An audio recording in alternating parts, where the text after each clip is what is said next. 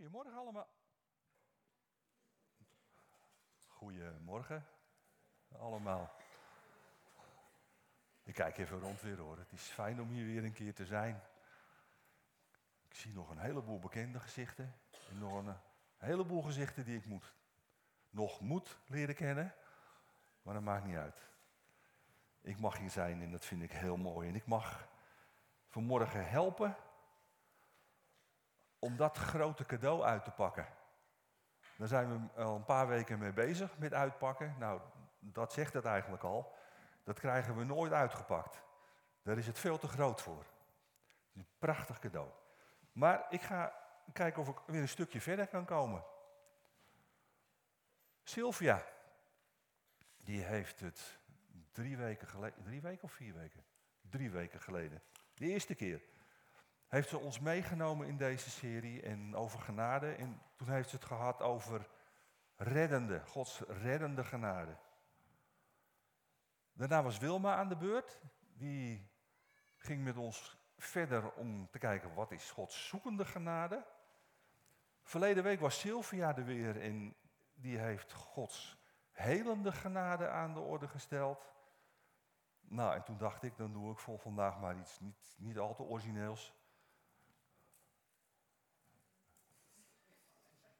En dan maak ik er maar Gods samenvattende genade van. Want dit is de laatste in de serie die we hebben. Maar er zijn nog zoveel meer soorten genade waar ik het vanmorgen met jullie over zou kunnen hebben. Ik zou het hierover kunnen hebben. Gods onderhoudende genade. Of over deze. Gods transformerende genade. Dat is er ook zo een. Maar ik zou het, ja, vul maar in. Over Gods. En vul het dan zelf maar in. Maar wat zeggen al die woorden nou helemaal? Reddend, zoekend, samenvattend, transformerend. Wat zegt dat? Het zijn, we even naar de Nederlandse les. Het zijn bijvoeglijke naamwoorden. Bij genade. Ze zeggen wat genade doet. Ze zeggen wat genade uitwerkt. Ze geven er een eigenschap van. Ze geven aan wat het effect van genade is. En toen moest ik denken aan een, een vraag die ik laatst aan mijn zoon stelde. Mijn zoon is een succesvol, ja, of hij is succesvol bezig in de wereld van de digitale kunst. En ik vroeg aan hem, joh, waar ben je op het moment mee bezig? En toen zei hij, ja, ik moet het even lezen hoor. Met een veelbelovend NFT crypto project. En toen snapte ik het woord veelbelovend. Maar wat, wat is een NFT crypto project? Nou, misschien zitten er hier in de zaal mensen die het weten. Ik had even wat meer woorden daarbij nodig. Een NFT crypto project. Dus wat is genade? Vroeg ik me af. Wat is genade? En zou een, een, een niet-gelovig iemand, die niks van genade weet, en die hier vanmorgen is binnengelopen, of, of, of mee is gekomen, of naar de stream kijkt. Hallo, jullie die ook vanmorgen kijken naar de stream. Fijn dat jullie er ook zijn. Maar zou, zou zo iemand nou begrijpen na die hele serie wat genade is? Wat het is? En, en als wij in een geloofsgesprek verwikkeld geraakten, kunnen wij dan in twee of drie zinnen in begrijpelijke taal uitleggen wat genade is? En met welke reden heeft God genade eigenlijk in het leven geroepen?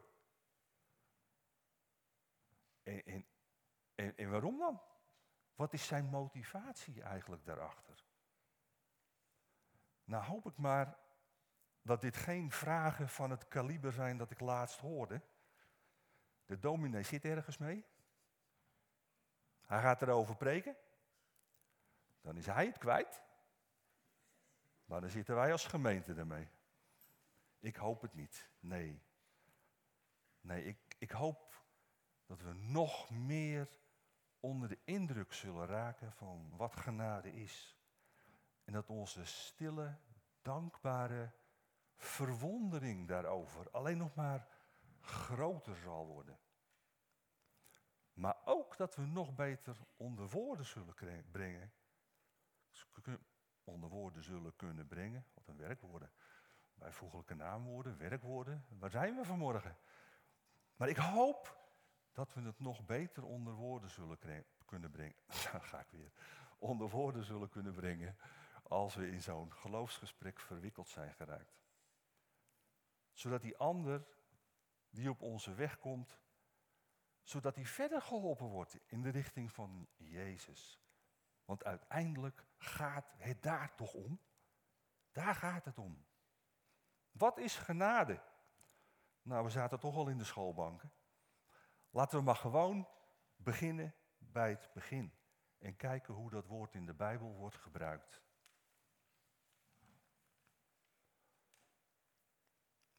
De eerste keer dat het woord genade in de Bijbel, in het Oude Testament voorkomt, is in Genesis 6. De geschiedenis van Noach en het bouwen van de ark. Nou, die kennen we allemaal. En dan staat daar, heel simpel zinnetje, maar Noach vond genade in de ogen van de Heere. Nou denk ik dat het goed is om te bedenken dat de oorspronkelijke Bijbelschrijver niet ons spreekwoord in gedachten had. Dat was er nog niet. Genade vinden in iemands ogen. Noach vond genade in de ogen van de Heer. Hij vond echt iets. Hij vond iets. We hebben net twee van die heerlijke kleine kinderen opgedragen. En jullie hebben vast wel eens meegemaakt hoe kleine kinderen je, je onderzoekend in je gezicht kunnen kijken, je kunnen aankijken. En hoe ze je dan ook volgen bij elke beweging die je maakt. Omdat ze een beetje proberen te peilen. Het lijkt wel zo wat je stemming is. Ze kijken je aan. En, en zo zie ik Noach voor me. Op het moment dat het humeur van God niet al te best is. Laat ik het zo maar zeggen. We kennen onze klassiekers. Op dat moment onderzoekt Noach dus Gods gelaat. Vraag me niet hoe. Hij onderzocht Gods gelaat. Hij tast het als het ware af. Hij scande het, zouden wij nu zeggen. Hij keek in Gods ogen en wat zag hij daar? Wat vond hij daar? volgens de Hebreeuwse tekst gen. Of geen.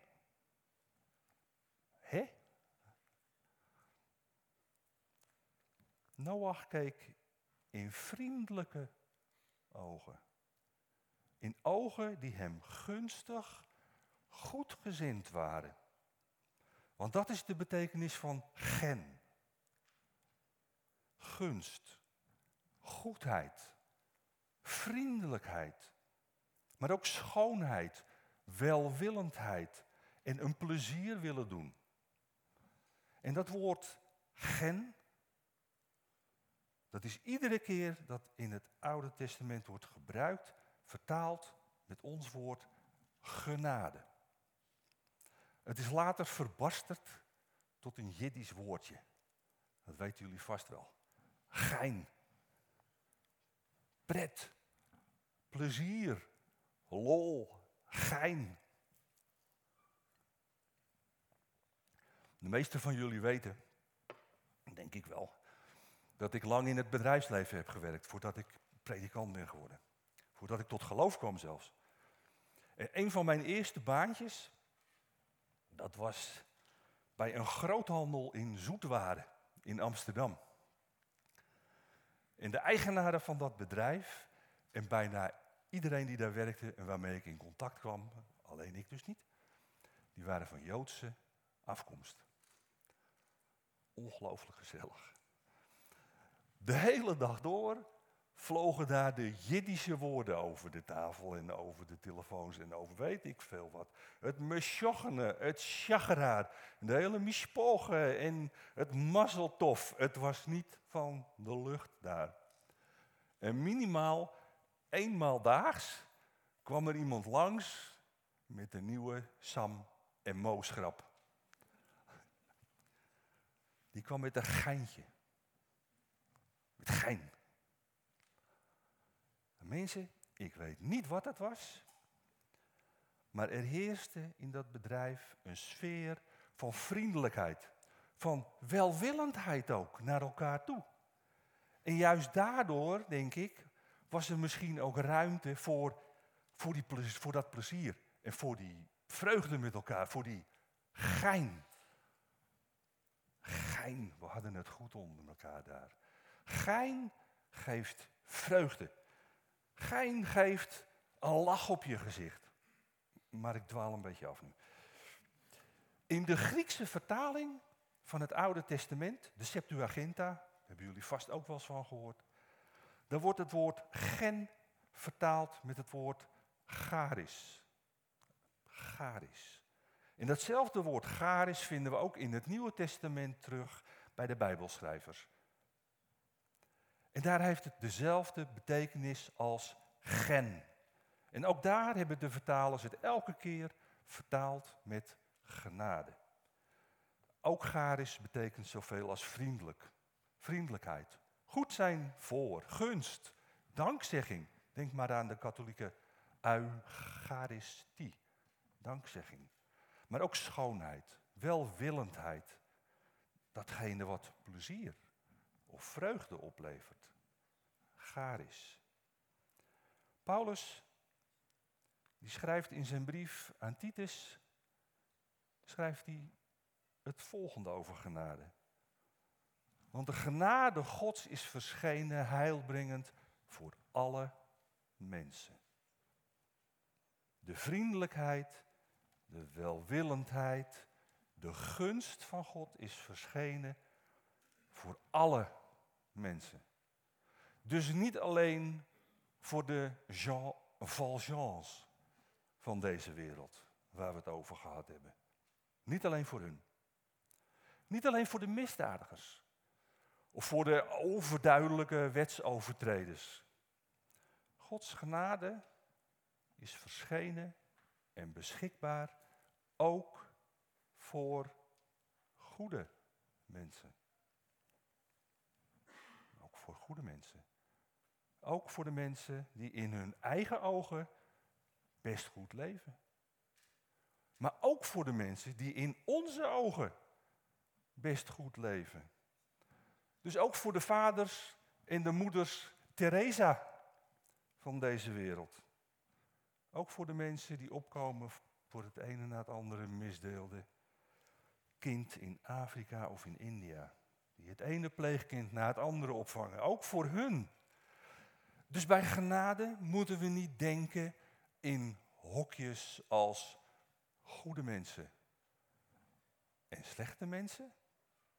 Bij genade moeten we denken aan het hokje mensen. Mensen. Gods genade is verschenen voor alle mensen. Nou. Dus in de ogen van de Bijbelschrijvers is genade Gods vriendelijkheid. Zijn goedheid die zich op alle mensen richt. Het is zijn houding. Het is Gods houding. Hij treedt ons vriendelijk tegemoet, ongeacht onze houding. Ongeacht onze reactie op zijn vriendelijke houding.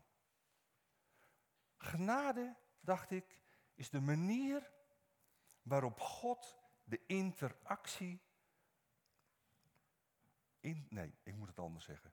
Genade is de manier waarop God zijn liefde vormgeeft in de interactie met mensen. Ik zie het zelf een beetje zo.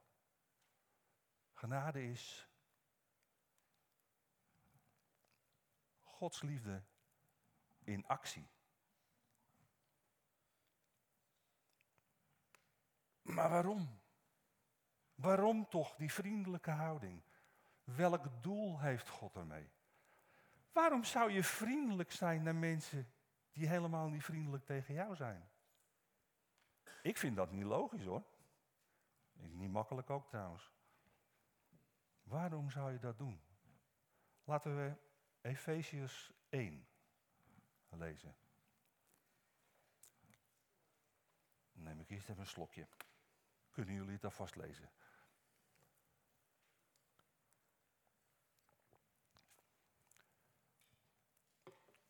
En we ontmoeten hier een Paulus helemaal in verrukking. In enthousiast, in vol vreugde en verrukking roept hij uit: Gezegend zij de God en Vader van onze Heer Jezus Christus, die ons met allerlei geestelijke zegen in de hemelse gewesten gezegend heeft in Christus. Hij struikelt bijna over zichzelf. Hij heeft ons immers in hem uitverkoren voor de grondlegging der wereld, opdat wij heilig en onberispelijk zouden zijn voor zijn aangezicht. In liefde heeft hij ons tevoren ertoe bestemd als zonen van hem te worden aangenomen door Jezus Christus naar het welbehagen van zijn wil, tot lof van de heerlijkheid zijner genade, waarmee hij ons begenadigd heeft in de geliefde. En in hem hebben wij de verlossing door zijn bloed, de vergeving van de overtredingen, naar de rijkdom zijner genade, welke hij ons overvloedig heeft bewezen in alle wijsheid en verstand, door ons het geheimenis van zijn wil te doen kennen, in overeenstemming met het welbehagen dat hij zich in hem had voorgenomen om, ter voorbereiding van de volheid der tijden, al wat in de hemelen en op de aarde is, onder één hoofd, dat is Christus, samen te vatten. Hé, hey, zat ik er toch niet ver naast met mijn titel? Samenvattende genade. Nou kunnen we vanmorgen niet deze hele prachtige lofzang van Paulus behandelen. Die is voor Wilma of voor Antoni volgende keer. Maar het doel, de bedoeling van Gods vriendelijke houding jegens ons, die kunnen we hier wel uithalen. Die kunnen we wel uit Paulus' woorden trekken. God wil alles wat in de hemel en op de aarde is, in Christus samenvatten, oppakken, bij elkaar brengen. Alles. Alles. Alles. Alle vreugde. Alles wat ziek en kapot is. Al onze dankbaarheid. Alles wat verwaarloosd is. Alles wat mislukt is. Alles wat verscheurd is. Alles wat mishandeld is.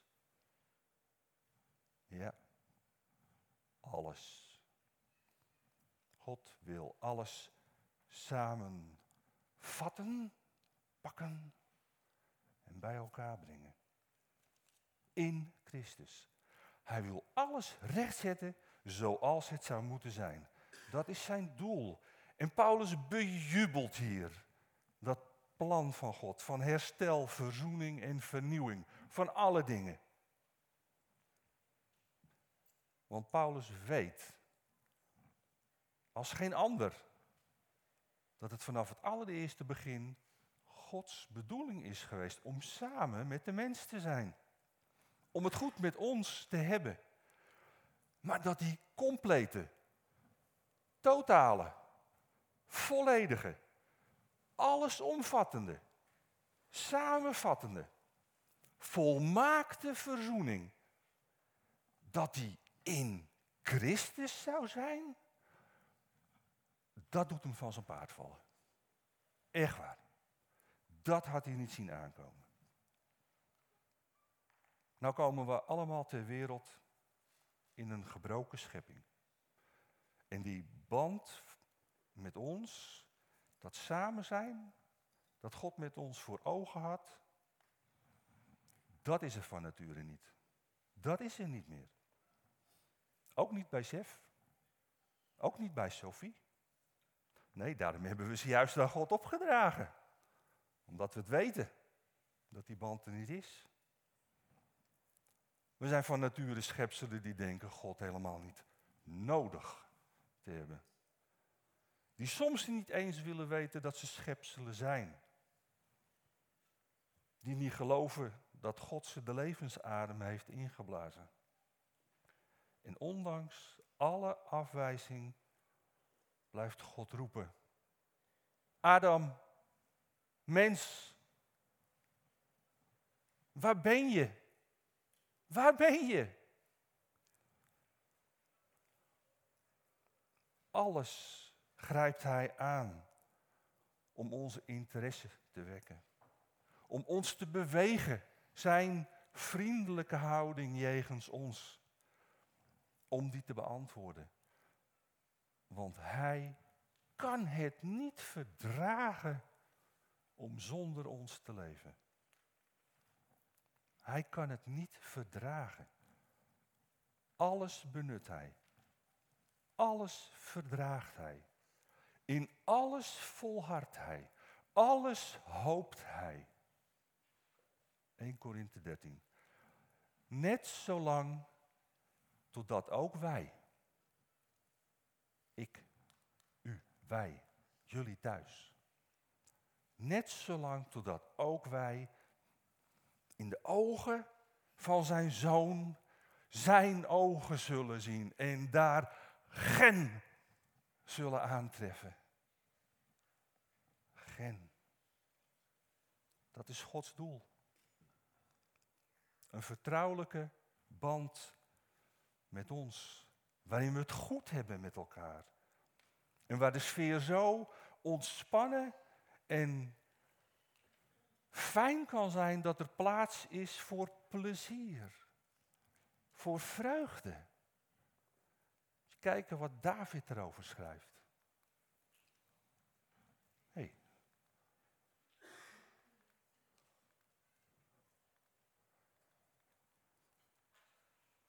In een heleboel psalmen schrijft hij erover hoor. Dit is in Psalm 16.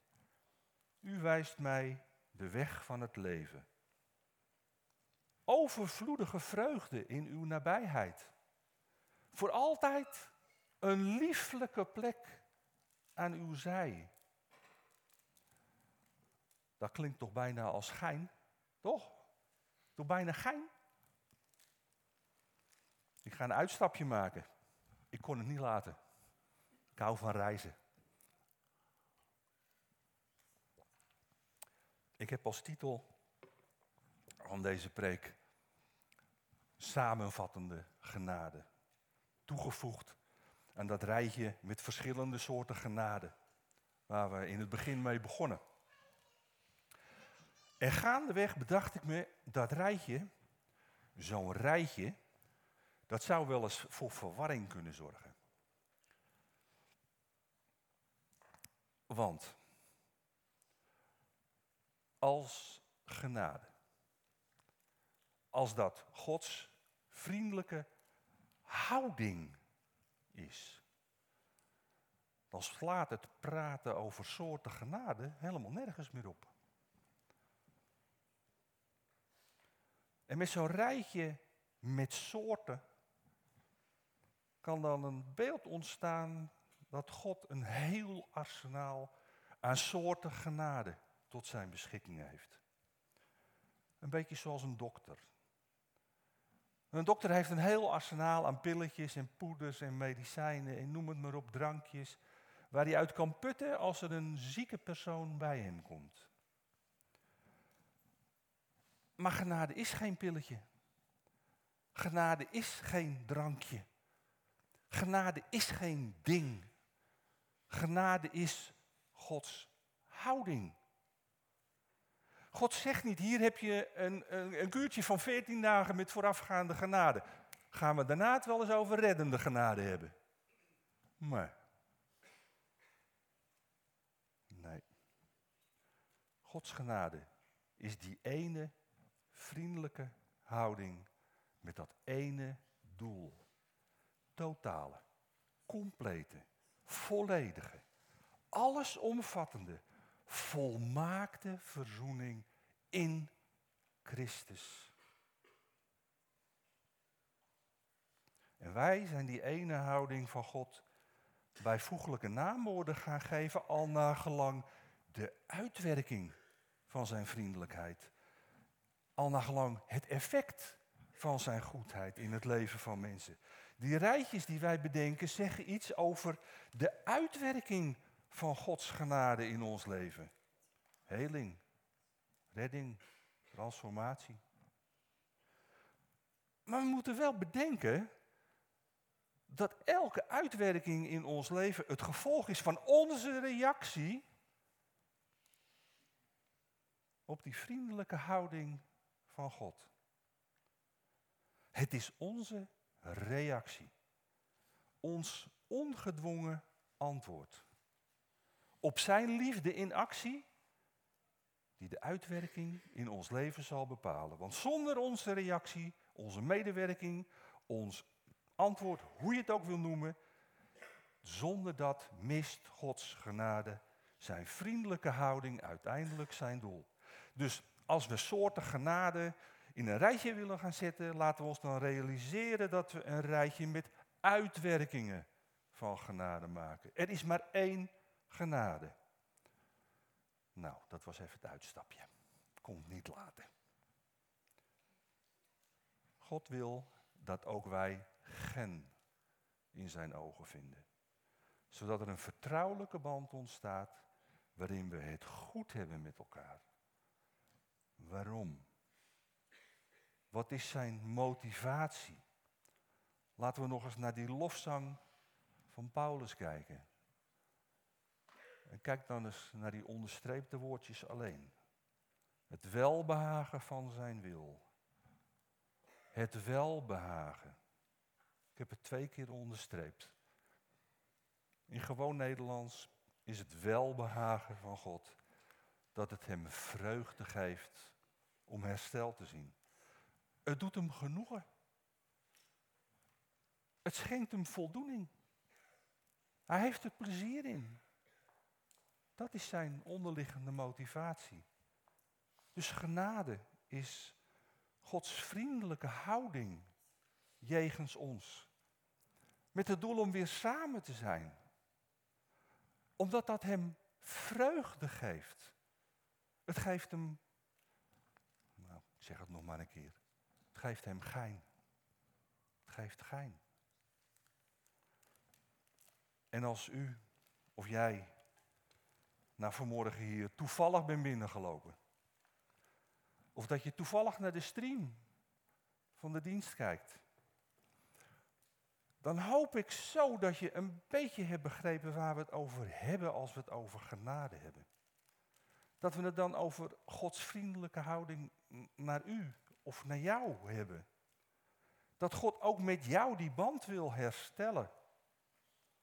En weet je, misschien was vriendelijkheid, goedheid en laat staan gein wel het laatste waar je aan dacht als je aan Gods genade dacht. En misschien ken je dat woord genade alleen nog van die, van die twee jochies van het schoolplein, waar twee jochies aan het vechten waren. En dat wie onderlag, dat die genade moest roepen. Genade, heb meelij alsjeblieft, stop. Nou, ik hoop dat duidelijk is geworden dat dat iets heel anders is dan Gods genade. Dat heeft er helemaal niks mee te maken.